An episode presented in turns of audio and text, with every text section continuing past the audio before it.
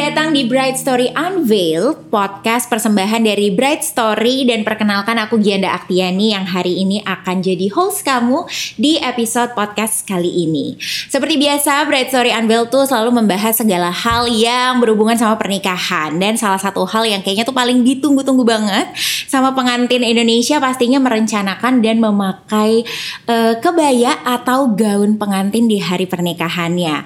Kalau kebaya kan kita tahu ya awalnya tuh berasal dari adat Jawa sebenarnya. Cuman kayaknya sekarang hampir semua adat tuh bisa gitu pakai uh, pakai kebaya. Jadi kayaknya sekarang tuh udah bisa dibilang jadi busana pengantin Nusantara ya.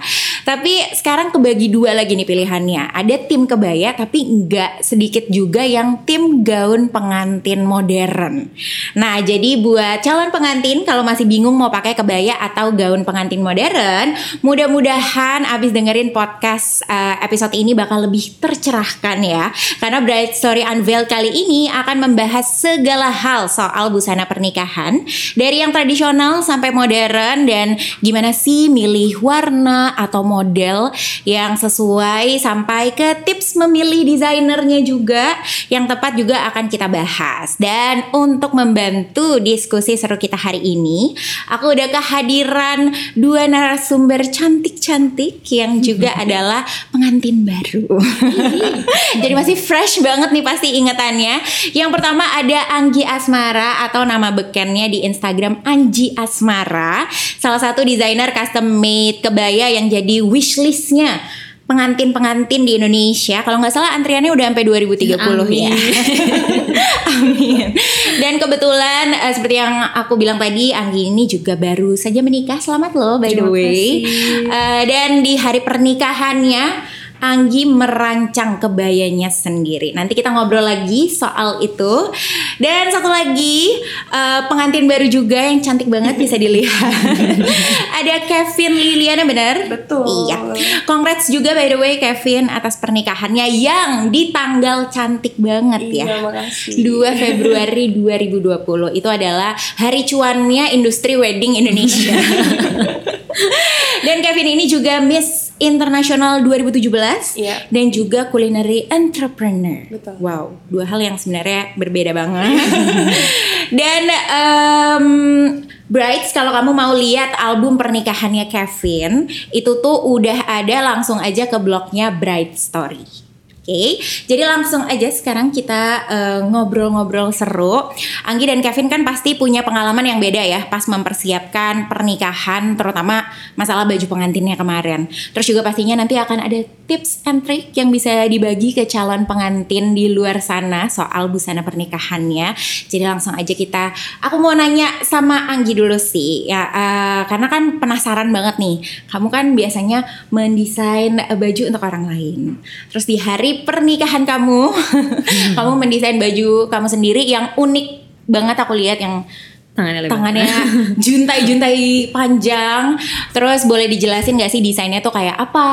Inspirasinya dari mana? Terus pengalaman kamu sendiri bedanya apa sih ngedesain buat klien, calon pengantin atau uh, sama ngedesain untuk diri kamu sendiri? Apakah ternyata kamu lebih rempong daripada klien-klien kamu? Um, Oke, okay. uh, uh, saat desain untuk baju kebaya akad untuk diri sendiri mm -hmm. ternyata super duper rempong membingungkan mm -hmm. buat diri sendiri dibandingin okay. buat orang lain. Masa? ternyata karena sebenarnya kita ternyata banyak mau ya betul ternyata karena saking seringnya belanja bahan jadi uh -uh. tahu kan kayak oh ini bahan ini kalau jadi seperti ini kira-kira jatuhnya begini mm -hmm. jadi udah lumayan kenal bahan mm -hmm. motif warna. Jadi kayak malah bingung. Hmm. pas dipikir-pikir ah kayak ngegampangin nih jadinya. hmm. kayak ah, ntar aja deh ntar aja deh. Pas udah dilihat-lihat wah kok udah deket lagi ya? Gitu. Nggak tahu mau bikin gaya apa mau mau bikin sederhana hmm. tapi kayak takut nyesel juga. Namanya hari istimewa kan? Tapi kamu nggak punya kayak dream? Nah itu dia.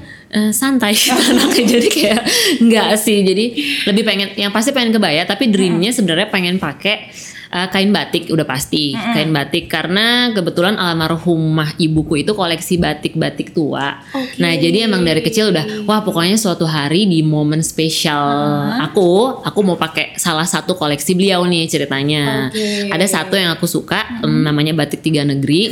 Kebetulan kita ngoleksinya banyak jadi kayak oh bisa di share sama kakak-kakak. Kebetulan kakakku cewek-cewek ada empat jadi Hmm. sama ibu sama ibu pengantin kakak cowok jadi kayak ada banyak batiknya mencukupi jumlahnya kita share biar kembaran. Aku pakai itu. Nah karena si batik tiga negeri ini eh, batik peranakan jadilah di situ kayak oke kebayaku ala ala peranakan aja deh. Inspirasi jadi yang lehernya congsam terus em, tangannya sih kayak biar drama aja sih sebenarnya tapi lebih kayak Biar ya. iya itu doang sih sebenarnya Oh, oke, berarti Gitu. terbukti emang ternyata lebih rempong mendesain iya untuk- bingung soalnya Oke, sekarang ke Kevin karena seperti tadi aku udah sempat ngobrol sama Kevin. Jadi salah satu bridesmaidnya Kevin itu adalah teman aku. Jadi aku tuh melihat prosesi pernikahannya Kevin lengkap di story-nya teman aku itu.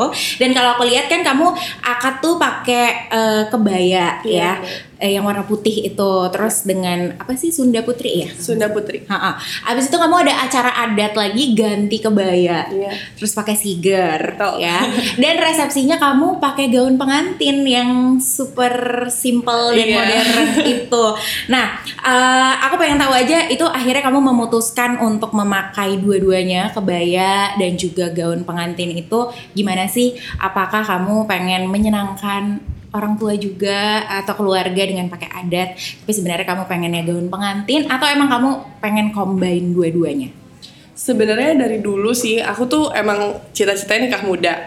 Jadi dari dari SMA ya, sebenarnya nggak muda-muda banget karena pengennya 20 22. Oh, oke dan kamu menikah di usia 24. iya Ah, beda. Iya.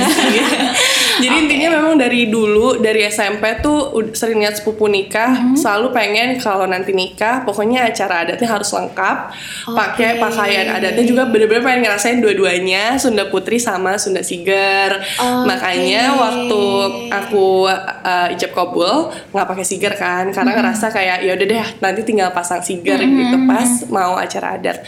Makanya rangkaian adatnya bener-bener lengkap semua dan dibikin sakral. Kadang kan sekarang udah ada dibikin kayak agak-agak plesetan lucu-lucuan gitu, udah lumayan banyak. Jadi ada kayak kakek-kakek sama nenek-nenek dibikin kocak lagi gitu. Kalau aku sih nggak, aku pengen bener-bener yang sakral, yang memang acara adat seperti apa, autentiknya kayak gimana tuh kayak gitu gitu. Oke. Makanya sebisa mungkin uh, aku pakai dua uh, apa tadi Sunda Putri sama Sunda Sigar tadi aku bilang.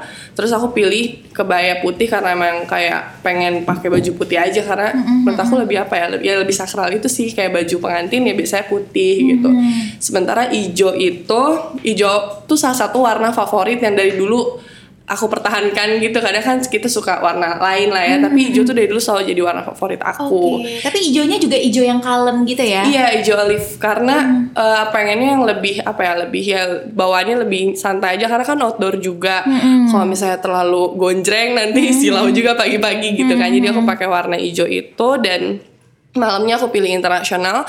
Karena papaku tuh keluarganya masih banyak yang eh, Chinese. Papaku kan mualaf. Oh, Mm-mm. oke. Jadi aku ngerasa kayak yaudah deh nggak apa-apa pagi-pagi memang acara yang adat yang memang aku impikan dari dulu tapi malamnya internasional biar lebih santai juga dan aku kan banyak tamu dari luar juga dari Hmm. organisasi luar jadi kayaknya bakal lebih blend in kalau aku pakai internasional. Oke, jadi ternyata kebalik ya kirain yang adat keinginan keluarga, yang internasionalnya keinginan kamu ternyata eh, kebalik. Tapi kamu enjoy dua-duanya ya. Enjoy banget. Dan eh, biasanya kan katanya ada yang bilang kalau sewa atau bikin gaun pengantin yang modern itu itu tuh lebih mahal daripada eh, sewa atau bikin kebaya. Dari pengalaman kamu sendiri bener nggak? Eh, alhamdulillahnya kebetulannya aku tuh dibantu eh, kerja sama sama kedua desainer. Oke. Tapi memang kalau yang pagi itu bener-bener full semua disupport dari desainernya namanya Ayung Brinda dia lokasinya di Bandung. Jadi memang keluarga aku, keluarga inti dan keluarga inti suamiku disupport semua bajunya bahkan aku ganti pun disupport. Uh, semuanya baru. Aku rasa sih mungkin kalau misalnya bikin uh, aku bayar biasa mungkin akan lebih mahal costnya dibanding yang malam. Karena kan kalau malam aku cuma pakai gaun aku ya. simple sendiri dan gaun orang tua aku. Tapi kalau yang malam gaun aku pribadi di support desainer. Kalau gaun Oke. kedua orang tua ada special rate gitu sih. Jadi harusnya sih karena paginya aku lebih banyak tetap lebih mahal. Cuma kayak kalau dibanding ya. Mm-mm, kalau misalnya kuantitinya sama mungkin iya sih kayaknya Hmm. gaun akan lebih mahal aku rasa ya. Kalau proses pembuatannya sendiri beda nggak sih dari kebaya sama gaun pengantin? Apakah kebaya karena lebih detail jadi lebih lama atau gimana? Eh, si desainernya yang Ayung tadi tuh udah sering banget pakai apa ya pakai aku sebagai modelnya dulu Hmm, dan aku pun oke. kalau ada acara-acara biasanya suka pinjem baju dia jadi dia udah ngerti karakter aku kayak gimana dari dulu Hmm. sebenarnya proses dia lebih cepet sih karena bulan Oktober tuh dia baru kayak kepikiran bajunya mau kayak gimana Hmm. terus pilihan warnanya yang hijaunya kayak gimana tepatnya sampai ke detail-detailnya tapi kalau yang Tommy Tommy Pancamurti itu aku siapin dari Maret tahun lalu Oh itu yang gaun pengantinnya gaun ya? pengantin yang malam ya yang putih Oh, Oke, jadi justru lebih lama Lebih lama. gaun pengantin. Oke, sekarang balik lagi ke Anggi. Dari pengalaman kamu nih ya, eh, berapa persen sih pengantin itu perlu mempersiapkan budget untuk busana pengantinnya dari total biaya pernikahan? Atau mungkin boleh juga di share, dibocorin range bikin eh, kebaya di Anji Asmara tuh berapa? Eh, kalau dari keseluruhan total biaya pernikahan sih menurut aku maksimal 10%. Maksimal. Maksimal ya. Ya kecuali kalau budgetnya memang unlimited ya. ha-ha. Cuman menurut aku 10% dari seluruh total biaya itu udah bagus banget untuk baju pengantin. Terus kalau range bikin di aku eh bistur, bisa diatur. Jangan lah. Enggak, enggak, enggak. Em, eh, aku sih sebenarnya masih terbuka dengan budget yang di, dimauin sama klien sih. Misalnya ada kadang-kadang yang datang, Bang Anggi aku punya budget sekian untuk wisuda. Aku sih berusaha untuk selama itu masih memungkinkan untuk dibuat dan waktunya mencukupi. Kan kadang-kadang ada yang buru-buru ya, itu memang agak susah. Maksudnya untuk eh, menekan budget kayak aku perlu lembur, aku perlu segala macam itu nggak bisa sih. Cuman kalau misalnya waktu panjang terus dia bilang kayak, Mbak aku punya budget sekian, bisa nggak tolong buatkan? Aku sih dengan senang hati selama masih memungkinkan akan aku Oke. buat. Cuman kalau kayak pengantin sih em, range-nya lebih mahal karena dan aku minta waktu lebih lama sekitar 3 berapa sampai lama? 4 bulan sebelum itu amannya gitu. Catat ya calon pengantin. Ya. jangan tiba-tiba hamil satu Nah, bulan jangan tiba-tiba. Anji Asmara. Ada sih sebenarnya.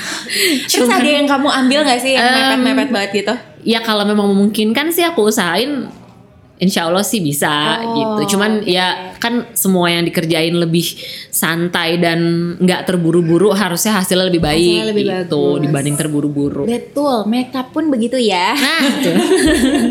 Curhat sedikit. Oke, kalau menurut kalian berdua, tiga hal yang paling penting nih dalam memilih kebaya atau juga gaun pengantin tuh apa sih? Termasuk apakah milih vendor atau desainernya, milih materialnya, sampai apakah memilih warna, apa harus putih nggak sih sebenarnya gitu? Apa? Dari Anggi Nah, boleh? nih ya. Kalau aku sih warna nggak harus putih ya sebenarnya. Lebih ke kadang-kadang itu tadi pengantin ada kayak warna impian, model impian itu sebenarnya aku siap membantu sih untuk eh, kayak eh, membantu pengantin untuk memutuskan kayak brainstorming lah aku pengen seperti apa gitu-gitu. Cuman kalau tiga hal penting sih yang pertama tetap budget ya. Buat aku yang pertama budget, terus yang kedua desain atau modelnya cocok atau enggak misalnya misalnya pengantin mau seperti ini tapi nggak cocok sama badannya ya aku sih harus ya maksudnya Harus kasih tahu lah ya, ya. Ha-ha. misalnya Oke. mungkin ini nggak cocok di badan mbak atau gimana terus mungkin yang ketiga warna sih Warna barulah ya. menyusul material terus segala Oke. macam pokoknya eh, kalau aku biaya desain sama warna gitu Kalau Kevin, menurut pengalaman kamu kemarin, Menurut aku sih karakter desainer atau vendornya. Jadi kita lebih enak filternya kan. Kita cari yang cocok sama karakter si desainnya kayak gimana. Terus baru kita filter lagi lewat budget. Karena kan pasti ada macam-macam. Mm-mm. Dari situ baru menurut aku sih details. Karena aku senengnya ketika kalau dilihat yang gaun aku yang malam itu meskipun simple banget. Tapi dia bikin details di back aku di sini ada tassels dan lain-lain. Iya, jadi aku ngerasa details itu salah satu yang paling penting untuk kita pilih jenis baju. oke Oke, dicatat ya Bright. Terus kadang kan ya kebaya atau gaun pengantin tuh pas fitting tuh kayak eh, sama hari H-nya tuh suka ada aja yang beda. Maksudnya aku, aku kan juga FYI makeup pengantin juga ya dan itu sering banget terjadi gitu kalau aku lagi makeupin pengantin pas lagi dipakai hari H, "Mbak kok ini apa nggak kayak waktu fitting atau apa?" Atau malah sebaliknya. Ada yang bilang kayak pengantin aku, "Ih, pas fitting ini biasa biasa aja loh, nggak kayak gini." Pas hari H tuh ternyata lebih wow gitu. Kalau kamu ada pengalaman kayak gitu nggak kemarin pas fitting sama hari H beda banget? Eh, enggak sih, karena aku bener-bener fitting se- seminggu sebelum acara. Jadi ya sebisa mungkin pas acara aku udah siap sama baju yang mau aku pakai gitu. Karena sampai pas dipayetin lagi pun aku minta di fittingin lagi karena katanya kalau udah dipayetin justru ngecilin, rubah. Dan ternyata bener aku panik sih kalau misalnya memang aku pakai itu pas hari H karena susah banget masukinnya. Jadi memang aku bener-bener ketika udah bener-bener pas dan gak ada lagi yang dirubah sama desainernya, aku mau pakai dulu gitu. Kedua-duanya sih. Oke, nah kalau Mbak Anggi sendiri sebagai desainer biasanya apa sih wardrobe malfunction yang terjadi gitu dari fitting ke hari H? Karena kadang kalau aku makeup pengantin hari H desainernya juga masih suka stres tuh Iya, kadang-kadang iya, iya. kayak masih ngejahit Iya, atau apa. sih. Eh, kalau aku sih sebisa mungkin sampai dengan diserahkan ke calon pengantinnya Mm-hmm. udah bener-bener oke gitu ya. Em, seperti tadi yang Mbak Kevin bilang, jadi misalnya sampai udah full payet itu kalau bisa dicobain lagi karena emang bener kalau udah full payet kadang-kadang Dia lebih sempit. dia lebih sempit karena dia nggak bisa lebih stretch kan, ketahan benang dan payet. Jadi eh, fitting kalau memang mungkin kan boleh lah 2 sampai tiga kali last fitting saat baju udah bener-bener jadi cobain lagi biar yakin. Cuman cek juga sih kadang-kadang pengantinnya berubah nggak ukuran bajunya eh ukuran badannya karena kan kadang-kadang kita nggak tahu ya saat perempuan namanya misalnya lagi PMS tiba-tiba Stress badan pun uh, membesar kan kita nggak tahu kayak Iya, bengkak iya, iya, atau iya. apa atau mungkin kurusan Banyak juga yang apa. kurusan kan nggak puas-puas. Stres misalnya. Atau juga stresnya makan jadi gemukan bisa. Bener. nah tapi untuk uh, sampai dengan hari H sih untuk mencegah nih kayak tiba-tiba ya aku kalau bisa uh, kalau misalnya mau di dry clean baju ke tempat yang terpercaya. Hmm. jangan. Soalnya aku pernah juga ada customer nyuci aku entah di mana tiba-tiba ada yang copot ada yang Oh, robek atau yang nyusut Em, jadi jaga-jaganya kan biasanya kita pakein ya pas hari H. Nah itu aku sedia itu sih kayak potongan sisa bahan bajunya, eh, spare kancing, spare payet. Jadi pada saat dipakai misalnya ada nyangkut kan kita nggak tahu ya, misalnya keinjak, kedudukan atau dipinjam fotografer misalnya ketarik-tarik, ada yang copot gitu kan. Aku tuh sebenarnya khawatir gitu kan. Terus ah, pokoknya udah pakai di badan pengantin cek semua atau misalnya ada benang-benang apa ya kalau misalnya ampe amit-amit ada yang robek ya kita sedia eh, sisa bahan untuk ditambal. Jadi Oke. dikerjain langsung di situ sih gitu. Nah kalau dari last fitting ke hari H tuh idealnya berapa lama sih? Hmm, idealnya hamin seminggu kali ya. Hamin satu Ha-ha, minggu ya. hamin Kelamaan minggu. juga takut banyak Iya, perubahan itu. Kalau orangnya stabil sih nggak ada masalah sih. Tapi Oh, kalau orang yang naik turun naik turun yoyo gitu lebih baik hamin seminggu. Oke kalau gitu. Terima kasih Mbak dan uh, Kevin untuk ngobrol-ngobrolnya. Untuk para brides to be di luar sana yang masih bingung mungkin mau pakai kebaya atau gaun pengantin, tapi belum menemukan look yang cocok, kamu bisa dapetin inspirasi dari prediksi tren pernikahan 2020 dari Bride Story yaitu Reflections of the Sea. Ini tuh tren yang menampilkan palet warna yang terinspirasi dari refleksi air serta biota-biota laut kayak warna coral, terus biru laut, terus juga orchid, mist, holographic pearl. Langsung aja diintip, ada videonya di channel YouTube Bright Story, eh, di IGTV at The Bright Story dan baca juga ulasan soal riasan dan busana yang terinspirasi tren ini di blognya Bright Story. Akhir kata, terima kasih banyak sekali lagi untuk narasumber-narasumber cantik aku untuk ngobrol-ngobrol serunya. Terus juga eh, terima kasih buat semua yang udah dengerin di podcast yang stay tune di Bright Story Unveiled the podcast. Jangan lupa nonton dan dengar podcast episode berikutnya di IGTV at The Bright Story atau juga Spotify Bright Story Unveiled the podcast. Aku Gianda Aktiani undur diri dulu. Bye.